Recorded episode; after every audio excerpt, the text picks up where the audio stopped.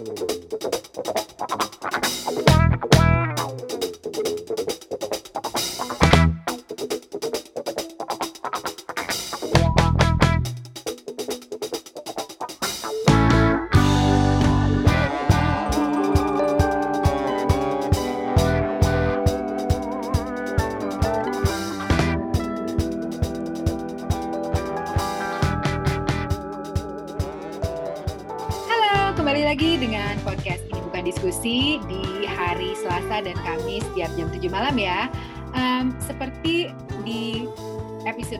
episode bulan Juli lalu kita kedatangan co-host yaitu Ibu Parvita dan Ibu Nina. Selamat malam. Halo, selamat malam. Banget Gak ya. cocok banget sih ngomong begitu. Tema buat malam ini di Kamis malam ini adalah perempuan dan teknologi. Loh, loh, loh, loh. Emangnya Parvita background teknologi, emangnya Nina teknologi, Imelda apalagi. Cuman kita pengen tahu aja sih kalau dari sisi perempuan itu kalau lagi bahas teknologi apa sih sebenarnya yang dibahas apakah sebatas dengan handphone tercanggih dengan kamera 5 biji dalam satu handphone atau memang kegunaan yang kita fokusin hal-hal seperti itulah yang pengen dibahas dan juga nostalgia juga ya. Soalnya dengar-dengar eh, Parvita tuh sekarang tiap nonton TV masih mengandalkan 5 remote TV ya Parvita. Ini gue ya, lihat list pertanyaan lo nih ya Mel ya. Gue udah tahu gue bakal dibully nih. Makanya lu bawa-bawa AI segala macam ya. Iya biar gue nggak ke... Oke, kalau misalnya, nah sebelum kita mulai nih, gue tuh suka penasaran. Karena kan orang yang menurut gue gaptek belum tentu menurut lo berdua gaptek ya. Cuman apa sih rasanya kalau lo nemuin orang yang lebih gaptek dari lo? Lo berusaha memahami perasaan dia atau lo yang aduh ini orang gaptek banget sih, gue sebel atau gimana? Gue melihat umur Mel. Iya iya, itu lo harus respect sama umur. Harus respect. Kalau kalau emang lebih tua atau mungkin dia range umurnya nggak beda jauh sama gue, gue mau maklumi. Tapi kalau dia jauh lebih muda dari gue, uh gue sebel banget. I- ini kan era lo. Iya sih. You're supposed to know these things gitu loh. Terus lo gatek, please deh. Sebel ya, sebel banget. Iya. Kalau Beb, ya kalau dia lebih muda dari gue dan gue lebih bisa dari dia, gue agak heran gitu. Lu pendidikannya di mana sih gitu kan ya? Beneran, cuman kalau misalnya dia lebih tua, Hmm? ya wajar lah gitu. Kayak sekarang kan gue ini di apa ngerjain proyek gue itu umurnya range-nya dari tujuh yang umurnya 70 tahun, jadi pengalaman kerjanya tuh udah 40 tahun lebih gitu ya, 40 40 tahun, 50 tahun lebih sama yang millennials gitu. Heeh. Jadi kalau yang tua mereka pengalamannya banyak banget gitu kan. Sementara kalau yang millennials pengalamannya nggak banyak, tapi mereka solve problemnya cepat gitu. Karena mereka bisa pakai segala macam untuk dapat informasi gitu. Ya iya sama. Tapi ada ada ya ada ini sih kalau gue lihat ya, eh, regardless umurnya, ada orang yang memang cepet adapt sama teknologi. Ada Iya. yang mau umur Hmm. berapapun dia tuh kayaknya ya lelet aja gitu ngerti soal soal apa ya eh, hal-hal baru gitu. Jadi apa sih kan ada istilahnya ya kalau bahasa Inggris, Inggris itu apa? Tech savvy, sa- something like that Hmm, gitu. hmm, ada kan savvy. gitu. Jadi emang Iya, ada iya. ada orang-orang yang berbakat. Ya, ada orang di- yang Heeh. rajin ngulik-ngulik nin gitu Iya, loh. Iya. Yang kalau misalnya Mm-mm, mm-mm. eh, lu dapat mainan baru misalnya gitu kan, terus lo eh, langsung ngulik-ngulik gitu gimana sih nih cara kerjanya gitu. Eh, lo lihat eh, apa namanya itu buku panduannya gitu kan. Oh ini kayak gini gini gini lo spend waktu gitu supaya lo bener-bener ngerti gitu. Tapi ada orang yang males gitu. Udah buka TV terus habis itu eh ngomong-ngomong kayak gitu ya, gue jadi inget ya temen gue ya. Maksudnya temen gue nih pinter lah gitu. Dia partner eh, di law firm yang cukup terkenal gitu. Waktu itu eh, single lah ya, waktu itu dia masih single gitu. Terus di apartemennya dipanggil, dia beli TV baru. Eh, gue beli TV baru gitu kan. Oh iya, nanti lo datang ke rumah gue ya, kita nonton TV bareng. Oke. gitu. Terus, Terus abis itu dia telepon gue. Terus dia bilang, ini gue harus kerjain semuanya kok nggak bisa ya gitu. Berhubung apartemen gue sama apartemennya dia deket, gue samperin dong. Nggak dicolokin TV-nya. itu apa coba namanya? namanya Oon. gue bilang, lo udah baca buku petunjuknya nggak? Yang pertama kali lo mesti lakukan adalah mencolok. Eh, ini loh kecolongan Aduh. Kalau si Hari laki gue dia seneng ngulik emang. Jadi Hmm. dia semua aplikasi baru dicoba. Eh, mau itu kakao, kakao dulu kan sempat bekan tuh yang si eh, web chatnya penyanyi Korea ya. Hmm, Terus udah hmm. gitu sampai Tinder juga dia coba. Alhamdulillah ya. Ah, Anaknya tete oh, selalu up to date gitu. hmm. Iya, Iya. aplikasi ya. Aplikasi. juga lagi aplikasinya. Coba sekarang eh, gadget apa yang ada di rumah lo diinget-inget deh. Apa aja sih gadget yang ada di rumah lo nih kalau di rumah gue ya? Handphone lah udah pasti, terus ada tablet, terus ada iPad, terus ada laptop, terus ada eh, smart TV. Eh, TV gue nggak smart yang cuman ada kayak colokannya gitu ya konektornya. Kadang smart, kadang enggak. Udah agak bego. Iya, Not so smart TV. ternyata dia belajar dulu apa enggak sebelum nyalain Netflixnya. Tapi yang beneran gue ngerti pakainya ya cuman satu, kayaknya handphone gue doang. Kalau di rumah lo bagaimana? Sama sih kurang lebih ya. Handphone, laptop, eh, terus eh, tablet, iPad. Walaupun iPad gue juga udah karena saking kunonya udah jarang dinyalain juga sih. Nah, Eh, smart TV. Udah sih itu Hmm. ya. Mau nggak yang memang selalu gue pegang sih ha- handphone ya. Kalau laptop tuh lebih untuk kerjaan sih kalau gue dan itu laptop laptop gue juga laptop kantor memang. Nggak nggak terlalu aneh-aneh sih ini. Microwave itu masuk gadget nggak? tergantung lo bisa apa enggak pakainya. Kalau itu masuk gadget, bisa masukin microwave, Smart smart AC. smartwatch termasuk kan mestinya. Smartwatch. Iya, smartwatch masuk lah. iya. Tergantung mereknya ya. Kalau Garmin enggak. anyone Ciela. Kita nggak di endorse Garmin ya, tapi Garmin kalau mau boleh. Terbuka. yang lo bener-bener sama di antara gadget-gadget di rumah lo nih yang lo paling nggak ngerti pakainya apa? Iya, gue gadget oh, ya normal lah ya, kayak handphone apa segala macam. Tapi terus ya kita punya smart inilah ya, smart uh, watch gitu. Hmm. Smart TV juga gue baru pakai tahun lalu. Jadi eh, gue termasuk yang lambat beradaptasi dengan yang smart smart gitu. Kemudian eh, gue punya eh, trainer nih, smart trainer. Oh iya itu juga Iya, agak ribet karena lo lo itu sam pakai Zwift kan berarti Pa- Gue pakai Zwift. connect-nya dari awal pertama kali setup lo bisa? Apa Bisa dong, Wah, bisa lah. gaya banget sih. Bisa. Waduh. Lu- lu- Lumayan cuma tinggal baca buku petunjuk dan nggak susah kok ternyata. Cuman waktu download aplikasinya yang kayak gitu-gitu tuh yang Nah. inilah ya yang bermasalah lama wifi gue lama. Tapi gue tuh kayak misalnya Garmin nih ya, jamnya gue bisa pakai khusus yang buat gue sering pakai aja. Jadi kayak cuman buat lari, sepeda, berenang. Udah, tapi kalau buat gue utak-atik jadi masukin program lah, masukin em, apa namanya barometer, altimeter segala macam itu gue agak lama. Mungkin bisa, tapi kalau nggak kepaksa gue nggak akan ngulik. Kalau gue merasa butuh, gue akan ngulik. Tapi gue kalau gue nggak merasa butuh, gue nggak ngulik. Gitu aja sih kalau gue. Iya, makanya nih Iya. gue agak takut nih kalau kehilangan si Hari. Saya kehilangan pendapatan juga. IT. Tapi gini loh, kalau kalau gue sih patokan gue gini ya. Sekarang apa sih yang nggak bisa di Google gitu loh? Petunjuk apa sih yang kita nggak bisa cari di YouTube? Kalau gue sih gitu aja. Kalau gue butuh ya gue akan akan kulik-kulik di situ gue cari gitu. Tapi kalau nggak butuh ya udah gitu aja. Banyak yang bilang itu berarti lo sia-sia dong lo punya gadget dengan kemampuan yang misalnya bisa sampai eh, apa 10 lo makainya cuma 6 atau 7 gitu. Tapi ya gimana ya gue belum merasa butuh gitu aja sih gue as simple as that.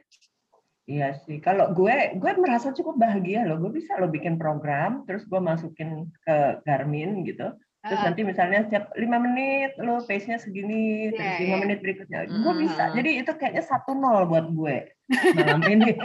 Karena gue tahu berikut berikutnya kayaknya gue. Ah kalau itu doang gue juga bisa kali. Jangan sedih Langsung loh.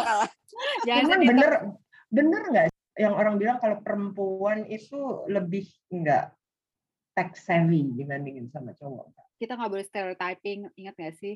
Iya ya. Soalnya Maksudnya banyak ya. cewek-cewek yang pintar di luar sana. Emang sih. Gitu. Cuman kita Ya, dan banyak juga cowok-cowok yang nggak tech. dan banyak cowok-cowok yang gaptek bener. Oke kita nostalgia dulu deh. Masih nggak sih waktu lo pada remaja ya meskipun kita kan datang dari eh, masa remaja yang berbeda ya kan eh, satu yang masa perang dunia pertama, perang dunia kedua, sama perang kemerdekaan. gadget itu apa sih pas waktu zaman lo kecil, zaman lo SMP SMA deh. Apa yang ada di otak lo pas gue ngomong gadget zaman itu? Kalau gue kepikirannya TV yang masih bisa dibuka ditutup gitu.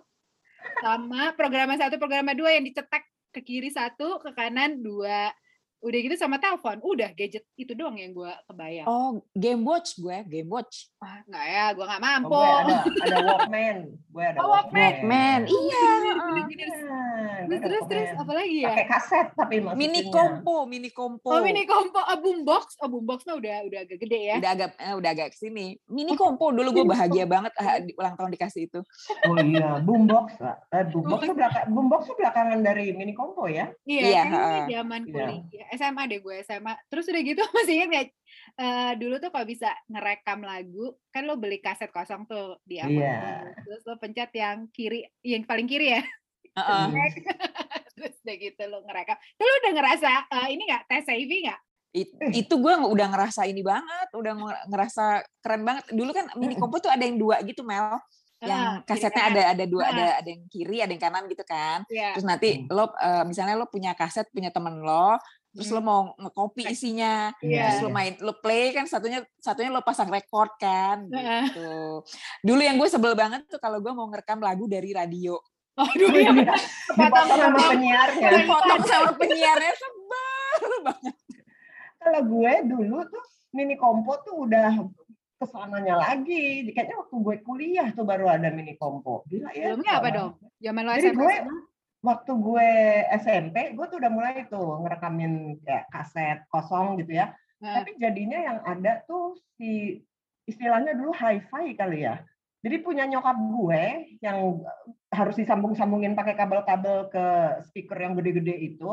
Heeh. Itu tuh gue bawa ke kamar gitu. Jadi entah kenapa tuh ada dua gitu ya. Dan gue tuh ngerti uh, uh, kabel input, output Oh ke mana. Jadi iya iya gue iya. punya iya. rekaman tuh bisa di fade out gitu terus nanti diberhentiin terus gue pakai eh, apa namanya headphone jadi udah berasa kayak DJ banget DJ. Terus ya udah gitu kan kayaknya kalau barusan gue dengar eh, lebih ke arah musik ya. Berarti zaman-zamannya perpindahan dari kaset ke CD, ke DVD, ke MP3, terus akhirnya sekarang ke iPod, terus jadi di music Amazon Music atau music di Apple atau di Spotify. Itu lo ngerasa shock atau gampang aja mengikuti alurnya? Gampang. Gampang. Karena musik itu ya gimana ya dulu kan kita hiburannya banyak di musik ya. Nah, Mm-mm. Jadi kayaknya must have lah lo, lo kaset pasti punya CD, terus eh, abis itu lo pindah ke MP3 segala macam. Itu sih Mm-mm. dulu gue termasuk cepet ya, nggak, maksudnya pindah-pindahnya tuh nggak eh, kaget-kaget gitu juga enggak sih. Mm-mm, sama gue juga enggak kayaknya mungkin karena lebih gampang ya menyesuaikan dirinya ya Iya, Dan terus dulu kan sempat sempat zaman eh, Napster itu kan. Oh iya, oh ya ampun iya. apa itu gue nggak tahu gue tahu Aduh, itu- multiply multiply. Gua gua nggak main multiply. Napster tuh gue- kita gue bisa tuh apa, bisa download download lagu, tapi itu Oh. ilegal karena copyright emang nggak bayar kan soalnya. Iya iya Oh. iya. Bermasalah di copyright, jadinya ditutup si Napster itu. Itu si Oh, Parvita udah kerja kali dia udah bisa beli CD beneran. Iyo, iya. iya makanya nggak tahu Coba lo masih inget nggak kaset yang paling lo masih inget album yang mana yang lo punya? Yang lo masih inget sampai sekarang? Sama CD. Itu NKOTB. Lo, masih punya Rick Astley Oh my god.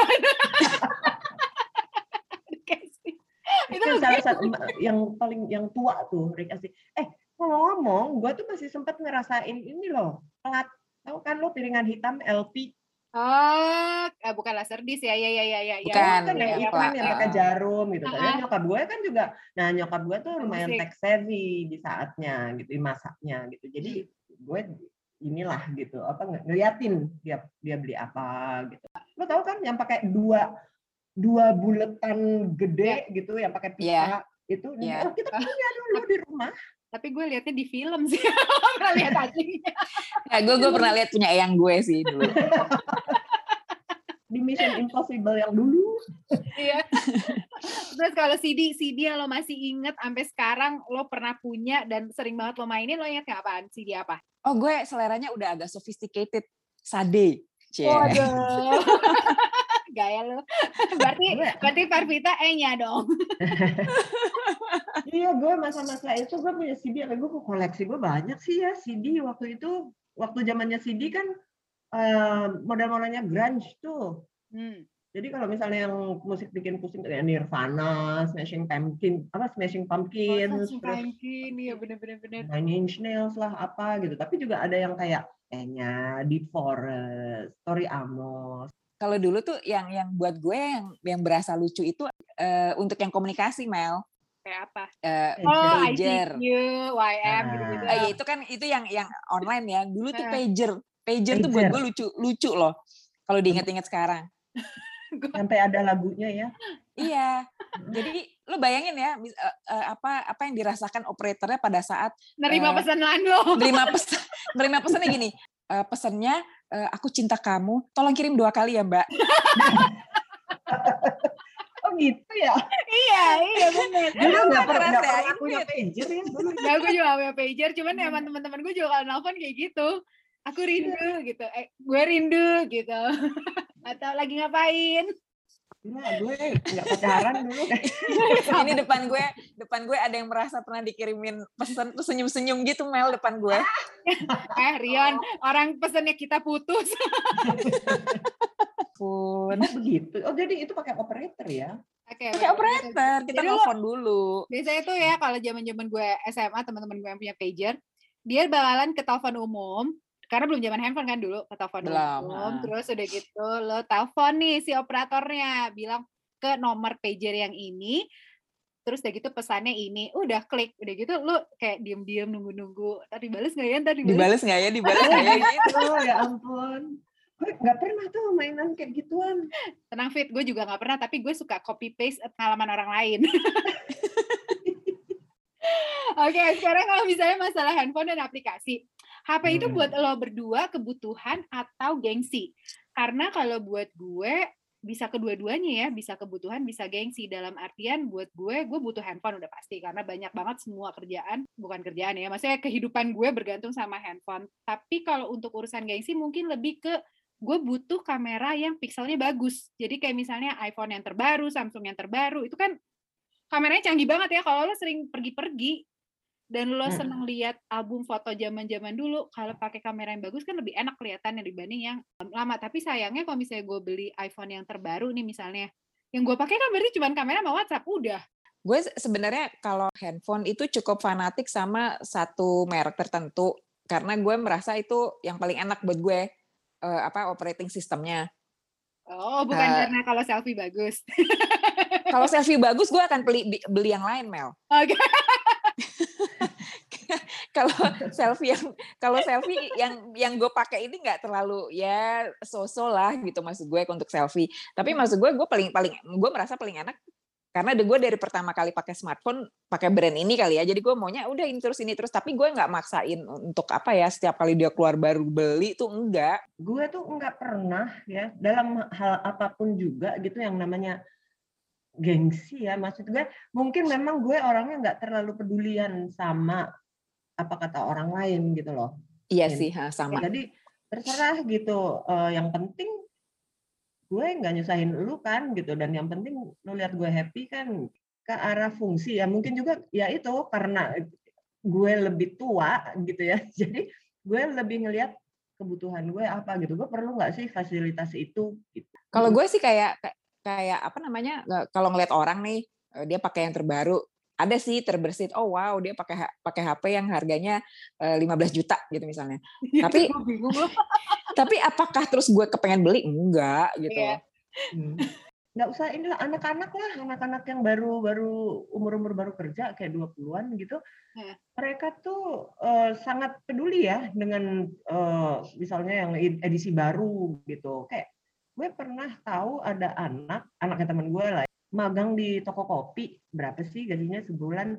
Tapi tuh nanya-nanya HP-nya tuh yang pada saat itu iPhone 11 kali ya gitu. Sementara gue iPhone-nya iPhone 7 dia ngeliat gue aja tuh kayak sebelah mata gitu udah ya. sedih gitu gitu ente kenapa nggak ganti uh, iPhone sih sekarang kan udah iPhone 11 gitu oh yang Iya. ini masih bagus kok kata gue Nah, tapi Oh ya. Iya, gini sih kalau menurut gue ini kayaknya masalah klasik sejak dari dulu karena memang kita kan tinggal di culture yang meskipun lu udah kerja, lu tetap tinggal di rumah orang tua. Jadi nggak pernah ada nggak ada pernah apa ya kebutuhan buat bayar listrik, bayar air, mikirin siapa yang bersihin rumah. Duit itu emang bener-bener murni buat gue doang, bukan buat orang lain. Jadi duitnya ada terus terus mereka apalagi duitnya kalau bukan buat gaya dan gengsi, ya nggak sih? Hmm, jangan salah. Dulu gue punya pembantu kerjanya gonta-ganti handphone. Hmm, Walaupun waktu itu masih yang ini ya, yang Nokia Nokia gitu.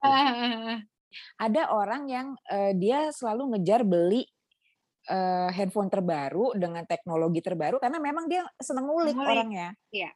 Dia dia dia penasaran apa sih yang membedakan apa sih yang baru dari dari dari teknologi terbarunya handphone ini gitu. Ada sih orang yang kayak gitu. Iya. Iya, iya. Ada ada gue juga tahu orang yang kayak gitu. Bener juga. Makanya sih. sampai sampai ada orang yang punya punya channel-channel YouTube yang memang dia mereview eh, produk-produk teknologi terbaru tuh ada gitu. Hmm. Eh, kalau misalnya dia seneng ngulik sih nggak apa-apa ya, tapi kalau misalnya udah punya handphone bagus terus nggak tahu cara pakainya itu gue agak sedih karena kayaknya Ya, sedih. gue Iya. Sedih banget itu. sedih banget itu. Nah sekarang gini deh, di handphone lo kan banyak aplikasi tuh.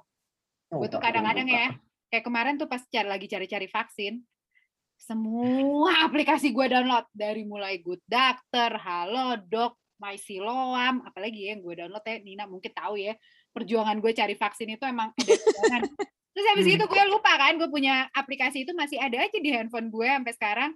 Em, sementara kan itu adalah aplikasi yang tidak terpakai dan gue pun nggak tahu sebenarnya fungsinya apa selain daripada gue butuh cari vaksin ada nggak sih sebenarnya aplikasi-aplikasi yang ada di handphone lo tapi lo nggak lo nggak ngerasa ada kebutuhan sama aplikasi tersebut Di handphone gue nih kayaknya ada antara 30 sampai 40 aplikasi, tapi mungkin yang gue beneran pakai tuh cuma separohnya kali ya, yang beneran gue pakai wa- walaupun mungkin bukan daily basis tapi eh, ya paling sekitar 20 yang beneran gue pakai. Jadi kadang- kadang-kadang ada Mhm. sih eh, aplikasi yang eh, gue iseng nih eh, download eh, apa ya satu aplikasi yang misalnya yang tentang dia bisa bisa untuk untuk olahraga gitu kan. Pas ah gua iya benar-benar Iya kan, Ya. lu dulu punya Edmodo, punya Strava, punya apalah Iya. macem-macem gitu kan.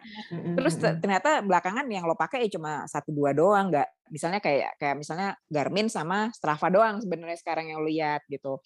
Terus kadang-kadang lo terpaksa harus download satu aplikasi karena lo ikut eh, virtual race apa gitu yang dia cuma pakai Oh, iya. pakai heeh. aplikasi itu. Terus kadang-kadang kita lupa kan untuk un- untuk uninstall lagi.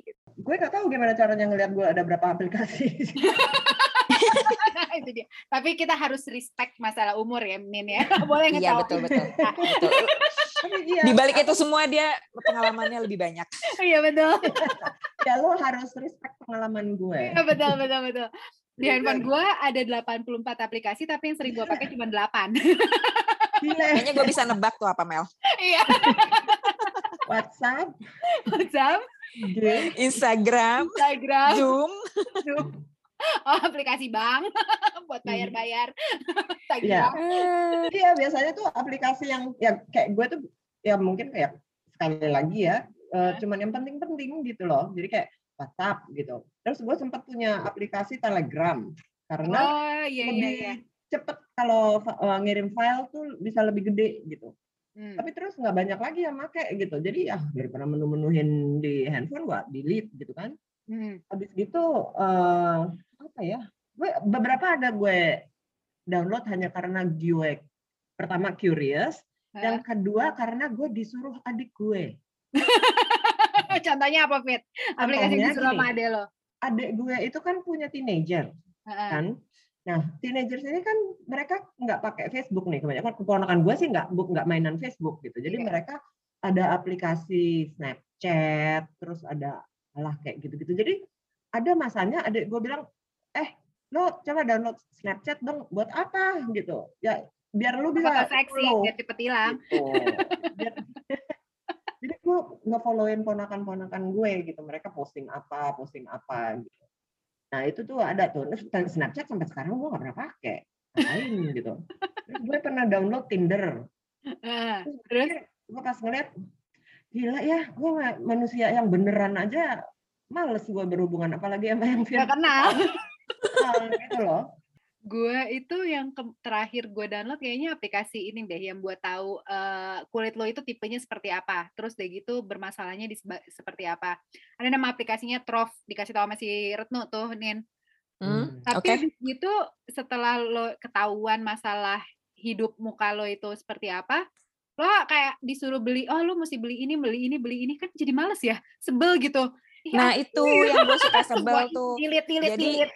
Iya, jadi suka sebelnya tuh kadang-kadang aplikasi itu eh, ada hidden ininya. Jadi kayak dia free, free tuh cuma eh, 10 hari. Habis itu lo harus bayar atau lo Iya. harus harus beli ini supaya bisa lo bisa apa gitu. Kalau enggak nggak bisa nggak bisa optimal lah dipakainya aplikasi itu tuh gue suka sebel jadinya. Iya, Medit soalnya. Iya ada tuh, apalagi aplikasi yang apa sih beres-beresin muka itu loh. Jadi Apa yang bikin lu jadi lebih cantik itu. Oh, beauty apps. Oh my god, Filter. itu gue belum pernah. Nah Beauty itu gue pernah tuh download karena 360. gue pengen tahu kalau gue eh, mukanya lebih muda 20 tahun kayak apa gitu. Beli Samsung ya satu setengah juta, Bo. itu ya. iya, lo beli aja merek itu tuh si Samsung atau Oppo tuh dahsyat deh. Nah, Sampai oh. nggak ada ya. pori-porinya muka lo. Iya bener. Lo loh, kadang suka hilang. Gue pernah loh itu motret kacang ya sama kulit, kulit kacang gue foto terus gue bikin beauty camnya. Bener Hmm. jadi mulus kacangnya. Apa gini ya tapi abis itu ya udah nggak pernah gue pakai lagi gitu ya udahlah gitu Nih kalau ngomongin kemajuan teknologi kayak gini ya, gampang banget kan sekarang lo bisa tahu apa pun yang lo mau. Aplikasi buat beli saham lah, aplikasi buat lo eh, kayak main cryptocurrency, aplikasi buat tahu lo cantik apa enggak, aplikasi buat tahu lo bisa tampak muda apa enggak, aplikasi buat bayar-bayar, aplikasi buat traveling. Lo Hmm. ini sebenarnya takut apa enggak sih ngikutin alur kemajuan teknologi atau lo nggak nyadar aja kalau mereka sebenarnya ngambil data dari kita? Jeng, Gue jeng. sempet gue sempet nggak nyadar gue sempet nggak nyadar Mel Heeh. sampai gue nonton di Netflix itu lo pernah nonton juga mungkin Social Dilemma pernah nonton nggak lo Ya, Iya, pernah, heeh. nah Ya. itu tuh gue yang eh, merasa tertohok tertampar bolak-balik eh dan selama ini data gue tuh diambil gitu loh Eh, Iya. orang tuh apa dengan dengan ini gue dianalisa betul. tapi at the end ya gue- balik lagi eh, gue kan orangnya sangat menganalisa pilihan ya Hmm. pada akhirnya tapi gue butuh gimana dong apalagi dengan dengan masa pandemi ini ya ketergantungan lo sama teknologi sama sama kehidupan online tuh gede banget Benar. jadi ya kayak misalnya gini lah kayak misalnya gue mau beli sesuatu dan gue nggak mau keluar keluar apa sih sahabat terbaik lo saat ini Tokped atau Shopee kan. Hmm. atau sayur box atau apa pun aplikasi belanja lo yang lo pakai gitu Iya. Dengan kita beli sesuatu itu kan sebenarnya mereka udah merekam data kita. Oh dia tuh senengnya lihat ini. Oh dia baru beli ini. Oh dia maskernya yang tipe ini dia beli. Tapi ya gue takut sih sebenarnya ini akan digunakan untuk apa ya data yang mereka kumpulkan gitu. Tapi di Iya. sisi lain gue butuh. Jadi ya kayaknya gue memilih menyerah kayaknya pada saat pandemi seperti ini. Iya sih, gue gue juga ya, gue pikir sejauh mana ya mereka bisa ngambil data lu gitu. Wah, Waktu pertama-tama em, bisa bayar pakai kartu kredit, terus lu mesti masukin CVV. nomor kode yang tiga angka itu, Nah, itu gue ya. takut loh. Mm-mm. Gue tuh termasuk orang yang sangat apa ya la- terlambat gitu untuk ngikutin. Kayak misalnya mobile banking gitu. Orang udah pada pakai mobile banking, gue tuh terakhir gue baru pakai mobile banking. Saking gue takutnya gitu. Jadi kayak transfer-transfer gitu teman-teman gue pakai apa namanya yang BCA mobile lah apa gitu. Gue Nah, masih ke ATM. Aduh itu ada tuh teman kita sampai sekarang Iya, pakai seruk. ternyata dia punya ATM di rumah. makanya gitu cuman gue jadi agak ngeri ya eh, awal-awalnya gitu tapi ya semuanya jadinya balik lagi karena semua orang pakai terus gue lihat ah kayaknya nggak masalah tuh kayaknya belanja online kayak gitu akhirnya gue juga pakai gitu dan ternyata memang memudahkan cuman ya itu nih memang kayak misalnya lo tahu kan misalnya lo beli sesuatu di Tokopedia terus nanti people who bought this also bought Iya. Iya. Nah, pengen iya, beli. algoritmanya begitu kan supaya Ya. mereka yang namanya bagian dari jualan ini sama lah dulu juga kan gitu kayak misalnya lu belanja kalau waktu gue dulu di Amerika ya Misalnya lu hmm, belanja popok bayi misalnya ya, contohnya di Walmart atau di Target atau apa gitu. Kalau misalnya lu member, Iya. flyer untuk orang ibu-ibu hamil misalnya gitu, gitu Mm. loh. Mm-mm. Jadi sebenarnya dari dulu udah ada, cuman dulu nggak digital aja gitu. gue tuh dari dulu kan gue suka takut-takut tapi si Hari kan tipe yang dia tuh cepet banget dengan perubahan teknologi dia santai aja. Kayak misalnya dulu juga gue malas ngasih tahu si Vivi. Padahal sampai Hmm. sekarang tuh kadang-kadang si Vivi diminta loh. Padahal lo nelpon o- ditelepon orang buat kayak kemarin gue bayar asuransi mobil ditanya tuh si Vivi tiga angka. Kan gue sebel ya tapi ya udahlah gitu. Terus si Hari juga meyakinkan gue kalau lo bayar apa pun pakai kartu kredit lo gampang komplainnya ketika lo ditipu orang. Oh bener juga ya. Beda sama kayak lo ditipu orang karena lo bayar pakai OVO karena lo bayar pakai imani gitu. Itu kan udah pasti duit Mm-mm. lo udah hilang. Anggap aja kayak Hilang, heeh. debit card lo hilang. Pas yang mulai download download aplikasi-aplikasi gratisan kan gue males juga ya. Ini gue udah tahu nih algoritma gue pasti dipakai buat dia nanti ngasih tahu gue atau mempengaruhi gue untuk beli hal ini gitu atau pakai hal ini atau eh, keluarkan kayak iklan-iklan di Instagram itu kan sesuai dengan apa yang lo lihat kan selama ini Ya, ah. yang lo buka apaan terus si Hari bilang gini emang kamu ada rahasia apa sih di hidup kamu sampai orang nggak boleh tahu? Oh benar juga ya gue nggak punya rahasia. Tapi habis itu pas gue baca buku dibilangnya mereka itu suatu saat akan bisa punya kemampuan untuk pindah-mindahin kalau kalau informasi tersebut dapat kena hacker ya maksudnya hackernya udah bisa dapat informasinya dia bisa pindah-mindahin dana lo di situ gue baru mulai deg-degan ya udahlah dana gue segini segininya ya terus dipindah-pindah kan sebel ya Iya benar. Itu iya itu yang gue terutama yang berurusan dengan duit ya, yang berurusan dengan bank gitu loh. Ya, itu gue rada takut gitu. Soalnya ya udah seumur segini ya duit yang gue punya ya segitu. Kalau hilang gue mau nyarinya gimana lagi orang gue. Ya benar kan udah konsultan gitu. Proyek masa ya gue mesti. jadi gimana nih ada nggak sih kemajuan teknologi yang kita nggak mau ikut-ikutan atau udah pasrah aja nih Sebetulnya sih kalau lo memilih cara tradisional bisa ya. Cuma kadang-kadang kondisi kondisi yang memaksa kita untuk ngikutin jadinya Mel Hmm. kayak pandemi gini kan. Lo kan membatasi ketemu orang. Caranya lo koordinasi apa? Ya dengan online meeting atau misalnya lo takut pergi ke toko untuk beli barang. Paling gampang ya lo pakai e-commerce kan. Ya. karena lo tetap butuh barangnya. Tinggal gimana lo menyikapi cara hidup lo kalau misalnya let's say kita nanti kembali eh, mudah-mudahan ya kita kembali ke kehidupan yang normal lagi kayak sebelum pandemi. Ya kalau lo mau tradisional tetap ke toko, eh, tetap ke pasar, milih-milih tawar-tawaran ya itu pilihan lo kan. Ya, Bisa bisa aja. Cuma mungkin yang akan jadi memaksa itu adalah kalau tempat yang kita tuju itu su- udah nggak punya udah maju ke teknologi yang lebih canggih gitu. Kayak misalnya sekarang kan ada beberapa tempat yang udah nggak terima pembayaran cash kan. Sim, eh, simpelnya tol deh kan udah nggak ada Mm-mm. bayar cash gitu kan semua harus pakai kartu secara elektronik tap tap gitu nah jadi ya mau nggak mau kita ngikutin kalau kita masih mau pakai lifestyle begitu kecuali kalau lo mau naik sepeda ke mana-mana nggak usah lewat tol gitu kan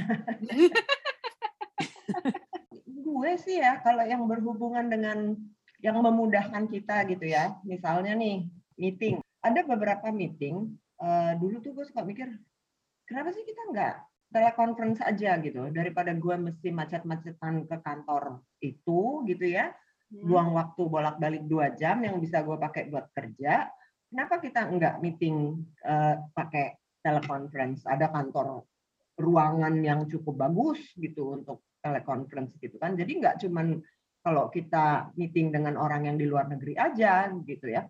Kalau yang seperti seperti itu kayaknya harus catch up gitu ya. Mesti mesti tahu lah gitu. Ya kita mesti hati-hati semuanya lah dengan informasi yang mas bisa sorting yang mana sih informasi yang benar mana informasi yang lu memang perlu mana informasi yang lu nggak perlu gitu. Karena lu pusing lo kepala lo kalau misalnya terlalu banyak Ya, info too much betul. information gitu itu dari sisi komunikasi gitu ya. Yang gue lebih takut sebenarnya kalau teknologi gue kemarin tuh nonton di Netflix juga sih di Netflix juga ada gitu. Terus kemudian eh, sekarang tuh kan orang-orang kalau dulu tuh banyak hacker-hacker komputer ya jadi ngehack eh, apa kasih virus lah apalah kayak gitu. Sekarang kan udah mulai ke arah eh, hacking Data. biologi kan Iya. biohacker Oh, namanya. iya, iya. iya iya Nah, itu tuh mau ke mana nih? Kalau kita masih ingat ya zaman dulu tuh ada cloning tuh, cloning kambing ya kalau dulu ya. Dolly. Uh, si Dolly Mm-mm. itu gitu. Itu sebagaimana orang berdebat gitu loh tentang etis apa enggak gitu. Sekarang tuh udah mulai nih orang-orang nyoba misalnya lu punya anjing. Anjing tuh kan umurnya pendek ya. Mereka coba bikin supaya anjing ini umurnya dua kali lipat lebih panjang gitu. Jadi kayak cut and paste DNA gitu. Atau lo mau anjing lo kalau malam matanya eh, berfluoresensi misalnya. Heeh. Itu istilahnya misalnya gitu ya eh, DNA-nya tuh di cut and paste sama DNA kunang-kunang kali misalnya kayak gitu. gitu. Iya loh gitu. Iya, Maksudnya iya. Atau kalau misalnya mau dipakai untuk penyakit misalnya lu punya penyakit keturunan ya gitu. ini Iya. kalau dari sisi positifnya gitu ya itu kan yang penyakit bawaan lu itu bisa di cut paste juga engineering lah gitu Iya, supaya nggak muncul lagi. nggak mu- muncul lagi di turunan lu nah kalau yang kayak gitu-gitu sih oke ya walaupun nanti yang Iya. punya akses mungkin hanya orang-orang yang punya duit juga Berarti berarti tergantung kalau memang tujuannya itu positif untuk untuk kehidupan manusia kalau gue sih ya kenapa enggak tapi kalau tujuannya terus terlalu out of the box yang event boxnya mungkin nggak ada iya itu terus jadi gue ngeri sih gitu gue ngeri Heeh. ya kan kalau lu tiba-tiba jadi bisa nempel di dinding gitu ya gimana Spider-Man. Spiderman gitu ya Ah, gitu. X-Men X-Men Nah, sama ini kalau zaman dulu ya gue gue nggak gue masih sempat nonton film Flash Gordon Oh iya, gue juga nonton dong. Lu nonton yang versi ma- ada versi barunya nggak? gue nonton versi yang mana, nggak inget. dia versi Pernah nonton pertama yang kayak. Oh, itu masih ada Jane Fondanya kalau di gue Ya. Jane Fonda masih siapa muda Jane loh, Fonda kan jadi guru senam dia Iya, iya. itu kan zamannya dulu itu kan dia pergi ke bulan ya kalau nggak salah kan Yes. tapi kan sekarang kayaknya orang ya elah si siapa Richard Branson aja Heeh, Virgin itu tuh baru-baru ini ke space gitu. Terus Elon Musk juga bikin roket gitu. Jadi itu kayak sesuatu yang akhirnya oh iya kalau dulu kan kayaknya ah itu science fiction lah gitu. Nah, sekarang kan lihat film-film ya kayak Terminator lah gitu.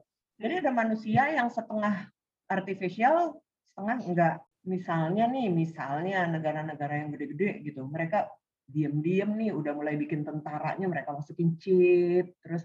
Ternyata tuh ada tuh yang model-model kayak si Arnold gitu yang ditembak nggak mati gitu.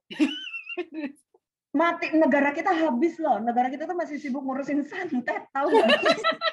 oh babi ngepet udah dimepet. Sementara orang tuh udah bikin tentara-tentara yang kayak yang mematikan gitu loh. Coba deh, itu gua agak, ah itu gua takut tuh. Jadi sebenarnya kalau misalnya lu bilang negara kita masih ngurusin babi ngepet, tapi mereka bikin robot yang mungkin eh, bisa jadi biohacking ya, hacking eh, opportunity lah menurut gue. Gue jadi bertanya-tanya sih, mungkin ini jadi closing juga ya. Etika etikanya jadi gimana sih? Apakah etika teknologi itu harus diberlakukan di semua negara dan sama rata atau tergantung lokasinya? Atau kalau ada etika teknologi, kenapa etika etika mistis kayak santet atau babi ngepet atau jagain lilin itu nggak diatur juga? Ya gue terus gue gue gue gue takut salah ngomong sih ini karena karena gue nggak nggak nggak menguasai. Kalau kalau tapi ini based on based on murni kayak kayak disclaimer kita kan ini semua pendapat pribadi eh, suka-suka dan Yang bisa kadang-kadang nggak ada nggak ada ilmiah ilmiahnya Ya. kalau gue menyesuaikan sama di tempat itu bagaimana ya? Regulator dari tempat tersebut idealnya bisa menilai sudah sampai mana sih eh, wahai rak- rakyatku ini kemampuannya. Tapi ya jangan sampai kita juga jadi bulan-bulanan negara-negara lain yang eh, lebih advance secara teknologi gitu jadi ha- harus ada orang yang ngerti gitu loh at least walaupun belum diimplement di di, di negara kita Gue agak pesimis kalau soal itu. Ya, di Nina juga. Dia berharap aja. Gue berharap loh ini fit bukan bukannya gue gue ya meyakini ini sudah terjadi ya kayak misalnya kayak biohacking gitu itu kan kalau di luar negeri nih ya itu mereka sudah mulai mau sampai mana gitu eh, lu akan melakukan itu Ma- di mana lu tarik garis ini nggak boleh gitu jadi lu harus update dengan undang-undangnya kan nanti Jadi harus ada hukumnya yang ngatur. Gue masih nggak ngebayangin legislatifnya kita itu udah sampai ke sana. Tapi kayaknya memang butuh ah butuh 5-10 tahun lagi kali ya. Karena kita mesti menghasilkan bibit-bibit yang benar-benar berkecimpung di dunia IT, yang juga suka berkecimpung di dunia politik. Biar mereka punya suara, bisa jadi wakil rakyat di DPR, biar bisa menyuarakan apa di pikiran kita mengalahkan orang-orang yang memang cuma suka politik aja. Iya, ya, jadi ya, jadi nggak bisa nggak bisa modal cuma bisa menganalisa video atau foto porno itu asli atau enggak ya? Dia kayak undang-undang apa sih IT ya kan sekarang kan udah mulai tuh undang-undang IT gitu. Dan itu kan artinya semuanya jadi kayak lo mesti ditarik gitu. Gerbong lokomotif lo tuh mesti kencang banget. Orang legislatifnya yang bikin undang-undang, polisinya juga mesti ngerti gitu. Jadi ya, atau atau mungkin kita nggak tahu aja fit. Maksud gue gini, gue kadang-kadang kayak email lah ya sesi bakti untuk negeri kan eh, terkaget-kaget juga ya. Oh ternyata departemen ini udah begini loh cara, eh, cara yeah. kerjanya. Yeah, oh ini udah begini. Mungkin kadang-kadang kitanya yang nggak yang nggak well informed juga sih fit. Uh, sebetulnya mungkin regulator negara kita tuh udah punya perangkat yang sebenarnya udah advance juga, cuma kita aja nggak tahu. Karena kita masih terpaku sama zaman dulu yang kita ke kelurahan tuh susah kalau mau bikin apa-apa gitu. ya, atau mungkin yang diekspos yang hal-hal lain gitu ya. Iya, karena hmm. Nggak, sekarang gini deh ya. Richard Branson udah ke outer space, Elon Musk juga, bentar lagi Jeff Bezos ya dari Amazon. Hmm. Tapi masih aja lo ketemu orang-orang di keseharian lo yang masih bilang, emang lo pernah keluar angkasa? Lo tau dari mana kalau bumi itu bulat? Sia-sia ngomongin iPhone Aduh, ya, itu gue rasanya pengen gue cekek. Sebagai seorang geologis ya, maksudnya, are you for real? Gitu langsung gue unfriend. Aduh. Nggak okay. kerasa ya, aduh seru banget dari mulai ngomongin um, gadget apa aja yang ada di rumah, smart TV, dan TV, terus nostalgia ke mini kompo, udah gitu. Apalagi lanjut lagi kita ngebahas belum lama, kita belum kurang lama loh membahas. ya iya. Santet. Terus ngebahas perkembangan perkembangan HP, udah gitu uh, aplikasi apa aja, udah gitu ujungnya berakhir di apakah kemajuan teknologi ini uh, sesuatu yang baik atau sesuatu yang tidak baik dan bagaimana sebaiknya pemerintah itu mengeluarkan aturan-aturan dalam mengkontrol kali ya uh, sejauh mana kemajuan teknologi itu bisa diimplementasikan di Indonesia lah contohnya. Namun um, semua pembicaraan kita yang super keren dan heboh ini ternyata dipatahkan sama orang-orang di sekitar kita yang bilang Emang lo pernah keluar angkasa? Mungkin positifnya kalau bisa gue tarik ya, positifnya adalah uh, ternyata manusia itu memang mudah sekali beradaptasi. Lo mau dikasih iPhone terbaru atau uh, Android terbaru tuh nggak ada masalah. Bisa mengikuti perubahan aplikasi-aplikasi tersebut dan juga pandemi nggak pandemi ternyata lo masih bener-bener bisa ngikutin kan aplikasi apa yang terbaik buat hidup lo saat ini. Negatifnya ya itu ya karena senangnya aplikasi gratisan ya data kita diambil-ambil ya Bo. Oh, oh. gitu semua keputusan kita diatur lagi tergantung algoritmanya munculnya apa. Dibilangnya yeah. apa di Instagram Airbnb Instagram apalagi tuh Traveloka Tokopedia. Um, iya, Netflix pun juga kan oh Netflix, Netflix. pun iya benar benar benar benar meskipun Netflix kadang-kadang ada tekanan dari temen ya disuruhnya nonton ini katanya rame iya katanya seru ternyata ternyata enggak iya betul Oke deh kalau gitu seru banget pembicaraan kita malam ini agak-agak menantang alur berpikir kita ya dan semoga teman-teman yang mendengarkan bisa merasa terwakili. Oh iya gue juga generasinya Parvita. Oh iya gue masih inget tuh pager gue warna pink gitu. Dan um, semoga terhibur ya. Selamat malam Pak Vita, selamat malam Mina. Bye-bye. Malam Ima, malam. Dadah.